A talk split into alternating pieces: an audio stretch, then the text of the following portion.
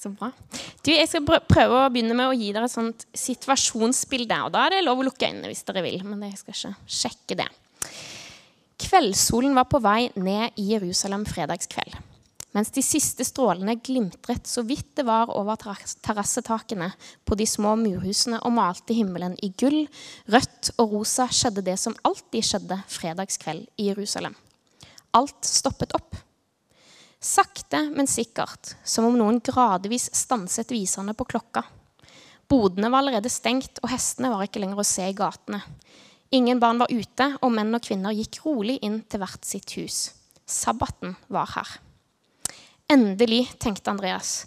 Han kjente han ble fylt av en glede og smilte for seg selv idet han rolig, men kjapt gikk innover smuget på vei til huset til Levi. Som han hadde ventet. Det hadde vært en krevende uke, og han gledet seg til å komme sammen med brødrene og søstrene, Johannes og barna og Sara, som var blitt som en åndelig mor for ham. Han gledet seg til å synge, dele måltid og bare være sammen igjen.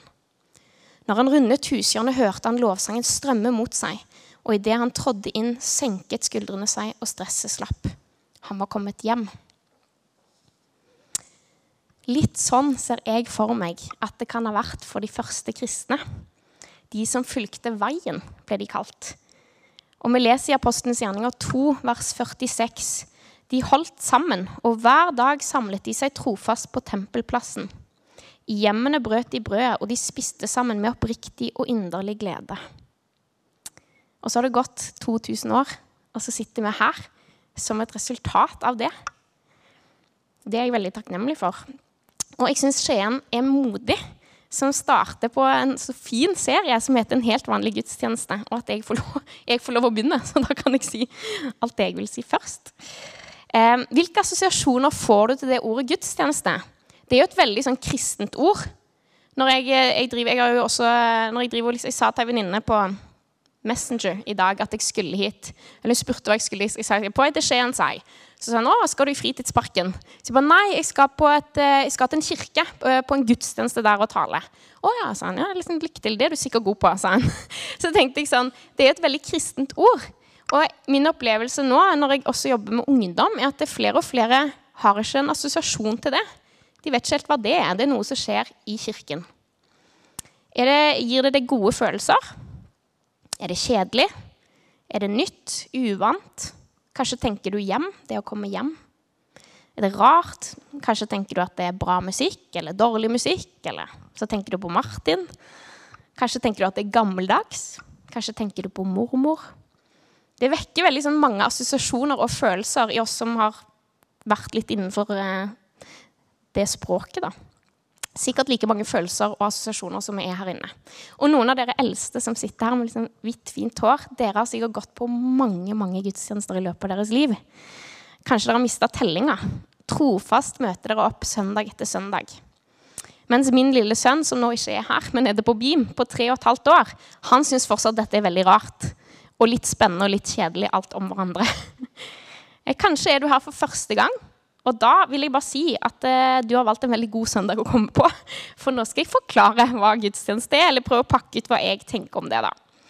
Um, kanskje er du litt sånn nysgjerrig på den kristne troen, og da er du ekstra, ekstra velkommen hit i dag. For hva er egentlig en gudstjeneste? Jeg tenkte at jeg må liksom begynne. Jeg har bare to punkt. og det første er hva er en gudstjeneste? da? Det består av to deler. Dette ordet er Gud og tjeneste. Og det tenker jeg er liksom viktige nøkler. Vi kommer sammen for Guds skyld. Ikke først og fremst vår egen. Vi skal få lov å feire han og se på han og fokusere riktig igjen. Og min mann har briller, og jeg vil si han har ganske dårlig syn, men alt er sikkert relativt. Men det er liksom sånn at hvis Sæbjørn ikke har på seg brillene, og det er litt mørkt, så ser han ikke så veldig bra. Eh, og da tenker Jeg noen ganger, jeg vet ikke hvordan det er, men jeg, tenker, jeg ser for meg at det å fokusere riktig det er litt som noen som har dårlig syn når de tar på seg brillene. Åh, liksom, nå, nå ser jeg hvor jeg skal. Sånn er det å gå på gudstjeneste. Å fokusere på Gud. Han har skapt oss til fellesskap med Han. Og Gud er helt sånn fantastisk. Han fortjener all pris og all ære. Eh, men så har jeg lyst til å være litt sånn, jeg, fått, jeg føler jeg har fått litt sånn frimodighet fra oven i dag.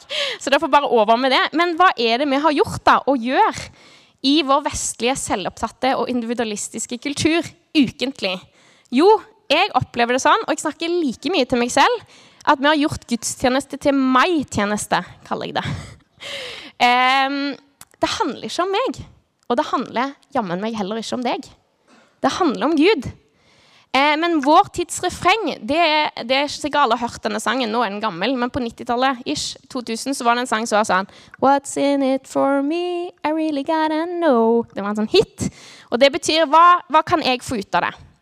Hva er det i det for meg? Skal jeg gidde å gå til Skien i dag? Ja, Martin skal tale igjen. Han er jeg så lei av. Ikke høre på han. Ikke noe spennende. Men når fagavvik kommer, da kommer jeg. sant? Vi vurderer og bedømmer, og jeg syns ofte vi er litt sånn nådeløse. Jeg liker ikke den sangen. Nei, å, jeg, å, jeg liker ikke den talen. Jeg syns søndagsskolen er kaos. Det er for mye bråk. Jeg liker ikke møtelederen. Osv. osv. Så sånn holder vi på. Meg selv inkludert. Men så er jeg her for å si da, at det handler ikke om meg og deg. Det handler om at vi skal stoppe opp og løfte blikket vårt. Det er ikke sant at vi er her for å bli serva. Det er en bonus. Og jeg håper at det skjer ukentlig. At vi kommer hit og får mat og påfyll. Men det handler om at det er Guds tjeneste. Det er hans rom. Det er innsatt og til for herrenes herre og kongenes konge. Og Nå skal jeg lese ganske sånn langt fra en bok i Bibelen vi aldri leser fra høyt på gudstjeneste, som er Johannes' åpenbaring. Da kan jeg få lov å lukke øynene eller bare høre etter. Det kommer ikke på skjerm. Jeg skal lese hele kapittel 4, og det er helt vilt. Tilbedelse i himmelen. Så skal dere høre hvordan det er der oppe, eller rundt et sted. Deretter hadde jeg et syn. Jeg så at det var åpnet en dør inn til himmelen. Og den røsten jeg før hadde hørt tale med klang som en basun, sa til meg:" Stig opp hit, så skal jeg vise deg det som heretter skal skje. I det samme kom ånden over meg, og se, i himmelen sto det en trone, og det satt en på tronen. Han som satt der, var å se på som jaspis og karneol, og tronen var omgitt av en regnbue. Den var som smaragd. I en krets om tronen så jeg 24 andre troner, og på dem satt 24 eldste, kledd i hvite klær og med kranser av gull på hodet. Fra tronen gikk det ut lyn og drønn og tordenbrak, og foran den flammet sju fakler. Det er Guds sju ånder. Framfor tronen var det liksom et glasshav lik krystall, og rundt tronen midt på hver side var det fire vesener, dekket med øyne foran og bak. Det første vesenet lignet en løve, det andre lignet en okse, det tredje hadde ansikt som et menneske, og det fjerde var lik en ørn i flukt. Hver av de fire vesenene hadde seks vinger, og overalt hadde de øyne, både rundt om og under vingene. Og natt og dag roper de uten stans, Hellig, hellig, hellig er Herren Gud den allmektige, Han som var og som er og som kommer. Og hver gang de fire vesenene priser og hyller og takker Han som sitter på tronen, Han som lever i all evighet, faller de 24 eldste ned for Han som sitter på tronen, og tilber Han som lever i all evighet. De kaster sine kranser framfor tronen og roper, Verdig er du, vår Gud og Herre, til å motta all pris og ære og makt. For du har skapt alle ting. Du ville det, og de ble til skapt av deg. Wow! Det er jo helt vilt. Tenk dette foregår kontinuerlig i himmelen. Liksom, og det skjer jo hele veien. Disse fire vesenene roper, og hver gang de roper, så kaster de 24 eldste seg ned, kaster kronene sine og priser Gud. Det foregår liksom en kontinuerlig tilbedelse og tjeneste for han. Og en gang så skal vi få være med på den festen. Det gleder jeg meg til. Han fortjener det. Gudstjenesten er Guds. Og det tenker jeg sånn, ja, tenk Hver gang vi er her sammen, her eller i Sandefjord, så er vi med på dette. Med torden, brak og lyn. Og i var fantasien som setter stopper for hvordan det egentlig ser ut. Og så har Jeg tenkt litt sånn, jeg har ikke snakka liksom veldig mye med Martha. Han fikk to minutter på dette på forhånd. Men det kan hende det er noen her noen helt spesielle som bare trenger å ta et lite skritt tilbake og ta en liten pause fra å komme på gudstjeneste. Fordi det er blitt rutine, og man kanskje har glemt hva det egentlig er. Jeg har hatt et par sånne eh, opplevelser i mitt eget liv. Det ene fra jeg var, når jeg var 18 år, så kom jeg på team var på bibelskole i Storsalen menighet med en som heter Knut Tveitreid, en prest som skrev mye for ungdom før. Og jeg hadde vokst opp i liksom trosmenigheter hvor det var veldig fokus på at du skulle lese Bibelen en halvtime hver morgen før du sto opp. Og hvis du ikke gjorde det, så følte i hvert fall ikke jeg meg som en god kristen. Så jeg, og jeg sleit mye med det, da, at Bibelen var blitt en sånn pliktbok for meg. Og Så møtte jeg han, og så prata vi litt om dette i løpet av den høsten. Og så sa han bare nå skal vi gjøre en avtale, Rebekka. Nå skal du ikke lese i Bibelen. Kanskje ikke hele dette året. Og så tenkte jeg sånn Er du helt sprø? Jeg er jo her for å forkynne for unge, kanskje ikke lese i Bibelen min. Men han var ganske smart. og Så sa han nei, det mener jeg. Nå slutter du. Og du får kun lov å lese i den hvis du blir nysgjerrig eller har lyst. Da skal ikke jeg si nei, men ikke ta den opp fordi du føler du må. Det kommer ikke fra meg. Da sier jeg du ikke får lov. Og så gikk det ganske mange måneder, men så gradvis det året så fikk jeg litt, litt lyst til å åpne den. Leste et par vers. Og det satte mitt, min liksom, relasjon til Guds ord da, i frihet. Og det verner jeg om den dag i dag. Jeg gidder ikke lese i Bibelen hvis jeg føler jeg må. Og litt sånn tenker jeg at det kan være for noen med gudstjeneste. At det er liksom, ja, jeg må vise meg der, eller jeg har en oppgave, eller å, liksom, det er det vanlige, og det er liksom blitt en rutine i livet. Kanskje du trenger å ta et skritt tilbake og bare liksom kjenne på deg selv i møte med det, for så å finne frihet i det. da. Og det samme skjedde igjen når jeg flytta til Oslo med Sæbjørn. Vi var dratt inn dit for å eh, studere og jobbe eh, etter en del år i Kristiansand. Veldig sånn langt inn i Salem misjonsmenighet. Var litt slitne. Så kom vi dit, så ble vi med på en menighetsplanting som i dag er en del av pinsebevegelsen. United Oslo heter den. Men da hadde den ikke det navnet, og det var ingen gudstjeneste. Vi møttes to timer annenhver uke på Bølgen og Moi på Aker Brygge. Og jeg fikk helt krise, identitetskrise. Jeg gikk rundt og var sånn Hæ? Vet ikke hvem jeg er? Vet ikke at jeg har ledet lovsang hele mitt liv? Skal ikke jeg få synge en tone? Hallo, liksom, skal ikke jeg få lede et møte? Sånn holdt jeg på. altså. Dette er helt veldig ærlig. Jeg var, jeg var, så frustrert. Jeg bare Hallo, liksom. Her er vi. Dream Team fra Kristiansand. Klar for å hjelpe til. Vil dere ikke ha oss? Og Kristoffer bare Nei, det er ikke gudstjenester her. Vi holder på med noe helt annet. Vi holder på å finne ut av identitet og hvem vi er, og hva vi skal være for Oslo, og be for byen vår. Og det var så sunt for meg. For jeg hadde hooka meg opp i sånn Ja, som kristen så går jeg på møte, og jeg bidrar i hvert fall. Og det er min plattform, og det er den jeg er. Men det handler ikke om meg. sant? Det handler om Gud. Og jeg trengte jo liksom et helt år med pause. Det, det var jo ikke frivillig, da, men det ble et år uten gudstjenester i Oslo. Eh, hvor jeg husker at jeg kunne gå liksom, til Storsand bare fordi jeg var så hungrig, holdt jeg på så sulten på liksom, det jeg visste hva var, det vante og det trygge. Så det er noe sant her, tror jeg, med at vi må liksom se litt på oss selv. Og Hva er det egentlig vi tenker at dette da er? Eh, og kanskje er det ikke det vi ofte tror. Og nå er det jo sånn i Sandefjord at vi er så små at når vi samles, eller vi er ikke så mange, så har vi liksom kajun. Vet dere, det er En sånn trommekasse og en kassegitar. Og det er én som synger. Så når jeg kommer hit, så blir jeg jo helt lykkelig av at liksom jeg, får, jeg, blir så berørt av lovsang. Mens veldig, veldig lenge så var jeg så godt vant med det at jeg bare tok det for gitt. sant? Og måtte bare sånn, ja, nå skal vi synge igjen. Apropos det som ble sagt i stad. Men nå er det sånn Hæ, lovsang er fantastisk fordi jeg har hatt avstand til det en liten stund. Eller det er en annen skala. Så det kan hende noen her trenger å tenke litt sånn. Og Den andre delen av ordet gudstjeneste er tjeneste.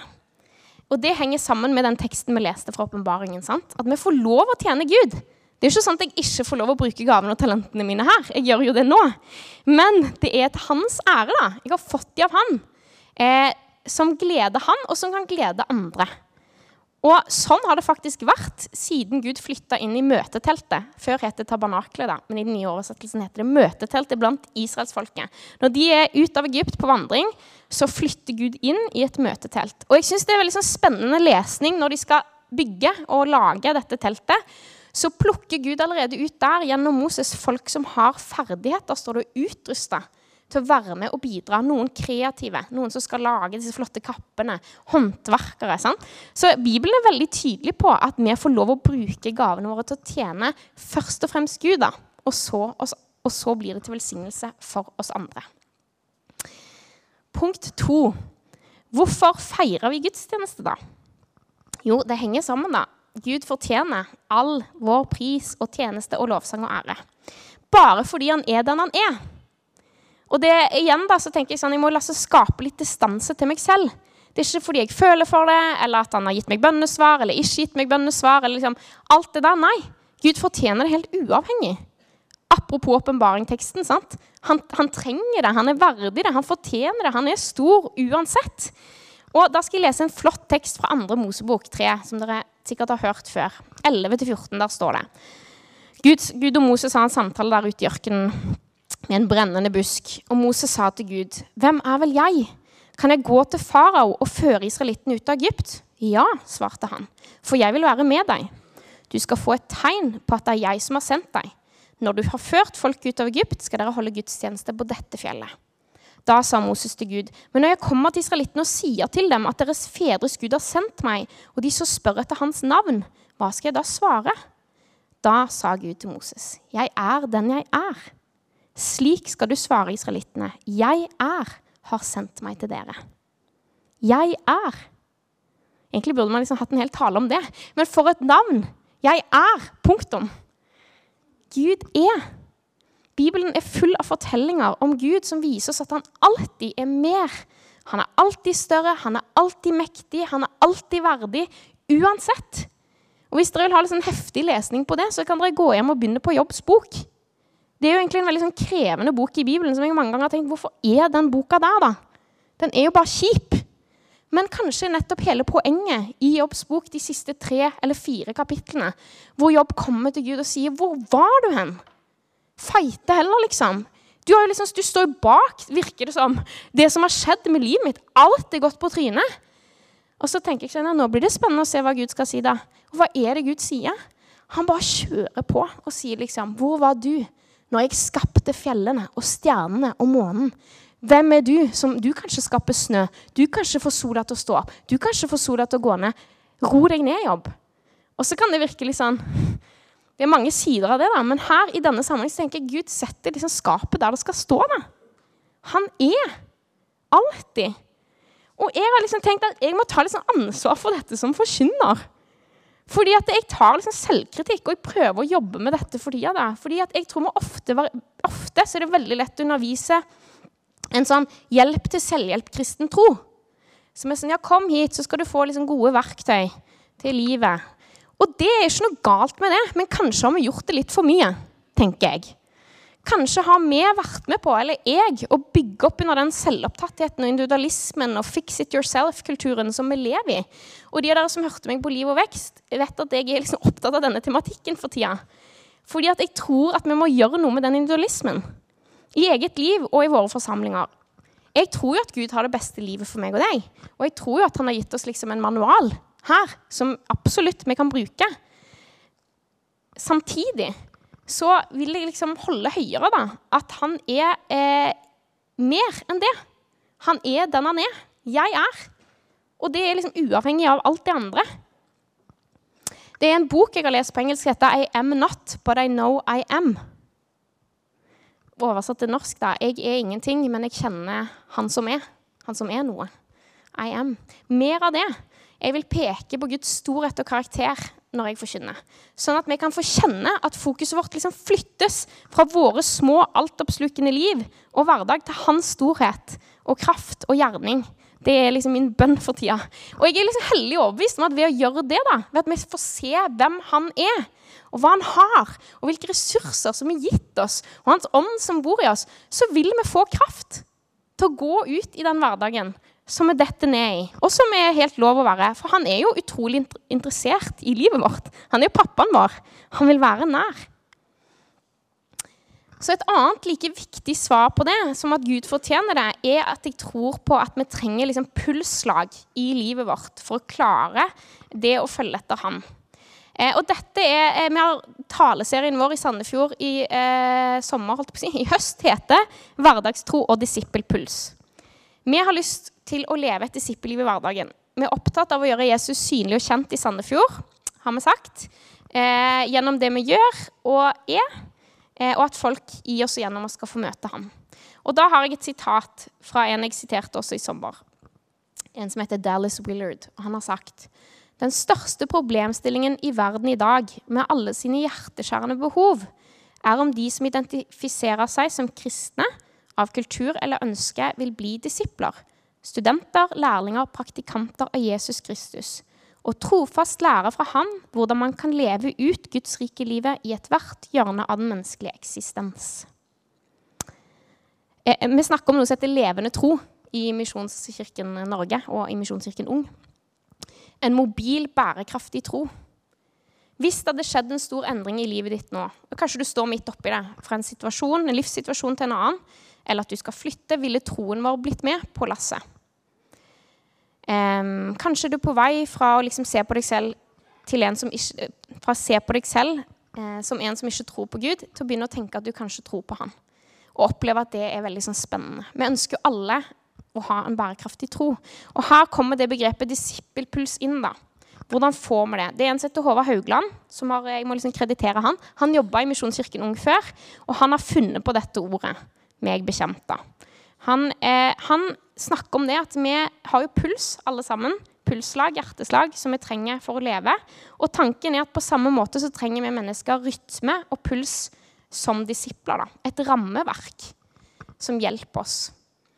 Hva er de viktigste holdepunktene for mitt kristne liv i hverdagen? Eller på hvilken måte er det synlig at jeg er en del av et kristent fellesskap? En god disippelpuls hjelper oss i hverdagen, i livets overganger, og den hjelper oss å reflektere over at Gud er den han er. Eh, jeg tror at gudstjenesten er et kjempeviktig sånn et pulsslag. Det er på mange måter en slags åndelig disiplin hvis jeg skal bruke sånne ord, til å fokusere på, ta på brillene, fokusere på Gud og å tjene Han. Og han Dallas Willard, som har skrevet mye om det å leve som disippel, han er død nå, en amerikansk filosof, teolog og psykolog. Han, han har sagt da, om disippelskap at det vi alle ønsker når vi kjenner Jesus og ønsker å være eh, lærling av han, det er jo at mennesker rundt oss skal se det. Sant? At vi skal bære dette livet med oss. Og Det står i Johannes 1,4.: For i han var livet, og livet var menneskenes lys. Sant? Han har det beste for oss. Vi får tjene han. Vi får være hans barn. Og Da handler det ikke så mye om sånne religiøse aktiviteter som det fort kan bli. sant? Check, jeg var på gudstjeneste. Check, jeg var på cellegruppe. Check, jeg var på lovsangsøvelse. Men det handler jo mer om en sånn orientering av livet i sin helhet. Sant? Det blir sentrum. En kvalitet og en orientering. Jeg beveger meg mot Jesus. Um, og det er retningen jeg har. At jeg ser på Jesus som det viktigste i hele min menneskelige eksistens. Og at det å få være liksom, hans lærling jeg sier det istedenfor disipler, men det å følge etter han og lære hvordan jeg skal leve et godt liv, det er jo den største muligheten jeg kan ha. Og Sæbjørn sier det veldig bra, syns jeg. Når, ofte når vi skal fortelle hvem vi er, da, hva vi holder på med i Misjonskirken Sandefjord, så pleier han å dra fram et bilde av en amerikansk sauebonde som kom på besøk til en annen sauebonde i New Zealand. Og han hadde masse masse sauer. Og denne amerikaneren syntes det var så flott og fint. Men så ble han så nysgjerrig, for det var ingen gjerder rundt disse mange, mange målene med eh, beitemark. Så han spør han sauebonden fra New Zealand men hvor er gjerdene dine. Jeg skjønner ikke dette, du har jo så mange sauer. Så sier han bonden fra New Zealand men se ut på, ut på marka der, ser du den brønnen? Så lenge den er der, så er det jo ingen sauer som stikker fra. De må alltid ha vann. Og bildet da i overført betydning er sant. Vi kan noen ganger bli veldig sånn opptatt av å leve liksom akkurat innenfor gjerdet, eller liksom definere og hva vil det si å følge Jesus. Men det er retningen. sant? Levende vann, kilden. Jeg orienterer meg mot brønnen. Og der finner jeg liv som gjør at jeg går mot han da, som mitt sentrum. Og Det betyr ikke likevel at jeg er passiv i den prosessen. sant? Vi blir oppfordra masse Bibelen handler om sånn, legg fra det gamle mennesket, ta på det nye, voks i nåden. Masse sånne vanskelige ord. Men det står at liksom, det er noe som skjer i oss. da. Det er et verk av Den hellige ånd. Målet med denne prosessen, å bli et nytt menneske, det sier Paulus ganske fint synes jeg, i Kolossene 3. Og la alt dere sier og gjør, skje i Herren Jesu navn, med takk til Gud, vår Far ved Han. Å leve som disippel det er å lære å leve Guds rike livet i enhver aktivitet jeg er involvert i. Og det skjer liksom, ved at vi vokser i nåden. Og det vil si at Gud liksom griper inn i vårt liv. Dette er liksom mystisk, Den hellige hånd. Men jeg tror vi kan hjelpe til da, ved å regelmessig engasjere oss med sånne disippelpulslag. Det kan være aktivitet eller gudstjeneste. eller sånt. Det kan være litt forskjellig for hver enkelt av oss. Og dette er jo kjempegammelt. Helt fra sånn, sikkert tidlig begynnelse, men i hvert fall fra klosternes framvekst, 300-tallet, så ble det fokus på dette med åndelige disipliner. Åndelige liksom, pulsslag. Hva er bra for deg? Og for noen kan det godt være bibellesning hver morgen. For all del. det er bare for meg var det ikke det. Sant? Eller det kan være å gå en tur i skogen og se på Guds skaperverk. Eller det kan være, og jeg tror det er veldig viktig, da, å komme sammen med resten av brødrene og søstrene, vår åndelige familie, på gudstjeneste. Der får vi kraft til å gå videre, og vi får se på hvem Gud er. Og Åndelige disipliner det er jo eh, noe som ikke skal liksom, Det er viktig at det ikke må bli en sånn 'Jeg mestrer ikke dette. Dårlig samvittighet.' Det må være frihet rundt det. da. Og jeg tror at vi kan prøve, prøve oss litt fram. Eh, fordi det er jo ikke sånn det står mye radikalt i Bibelen. Jesus sier f.eks.: eh, Du skal elske dine fiender og velsigne de som forbanner dere. Er det noen av oss som klarer det? Jeg klarer det ikke.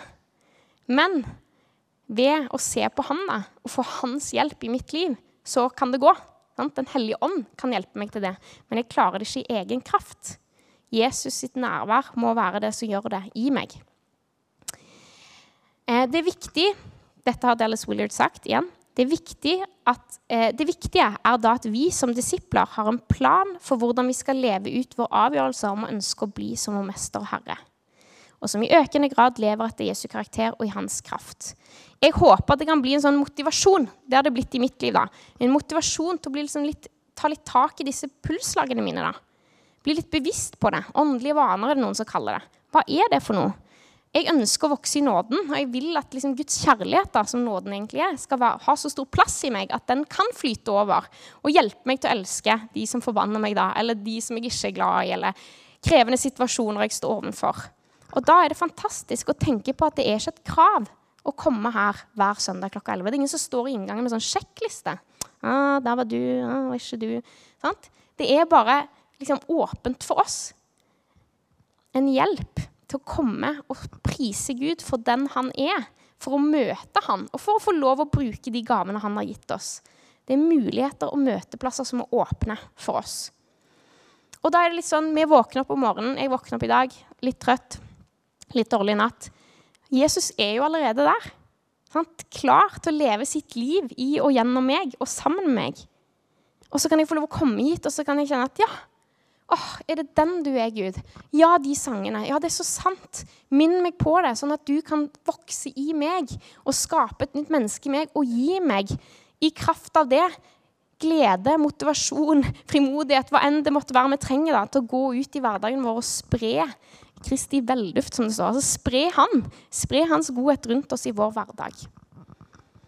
Så jeg håper at disse søndagene vil gi masse motivasjon og påfyll til å komme nettopp en helt vanlig søndag på en helt vanlig gudstjeneste for å se hvem han som sier 'jeg er', er. Og for å ta det med oss videre ut i krafta til hverdagen vår. Skal jeg be en bønn? Kjære, gode pappa, som er så nær og opptatt av oss. Og kjære, store, mektige Gud. Du er så stor eh, og nær at det kan være vanskelig å holde sammen på en og samme tid. Jeg takker deg for at du har sagt det, at du er den du er. Du er Gud. Um, hjelp meg og oss til å se mer av det. Og til å prise deg for den du er, ikke for hva du kan gjøre for meg. Men takk for at du allikevel gjør masse greier i mitt liv og hører på bønnene mine og frustrasjonene mine og gledene mine og sorgene mine og alt. Eh, takk for at du vil være så nær. Og så må du hjelpe oss Jesus, til å leve Guds rike livet i vår hverdag. Takk for at du har gitt oss noen sånne pulsslag som dine lærlinger, som kan hjelpe oss i det. Der vi får erfare nåden, kjærligheten din, sånn at vi kan gi den videre. At den kan bli som et sånt beger som bare er overfylt av vann. Sånn at det flyter ut, Jesus. Takk for at gudstjenesten er et sånt sted hvor vi kan komme sammen og få se og møte deg og hverandre. Jeg ber Jesus om at det skal bli viktig for oss. Viktig for oss å komme for å se på deg og for å tjene deg, Jesus. At det skal bli et sånt naturlig pulslag som vi kjenner at vi trenger og lengter etter og vil. og at det skal gi oss motivasjon til alt det vi står i. I våre små. Samtidig så blir de ofte så store, de livene våre. Takk for at du er sammen med oss. Du fortjener all, all ære, og all lovsang og all pris. Bare fordi at du er den du er, Gud. Amen. Nå mens vi synger sammen, så går det an å gå til forbønn til høyre for dere nede ved det korset.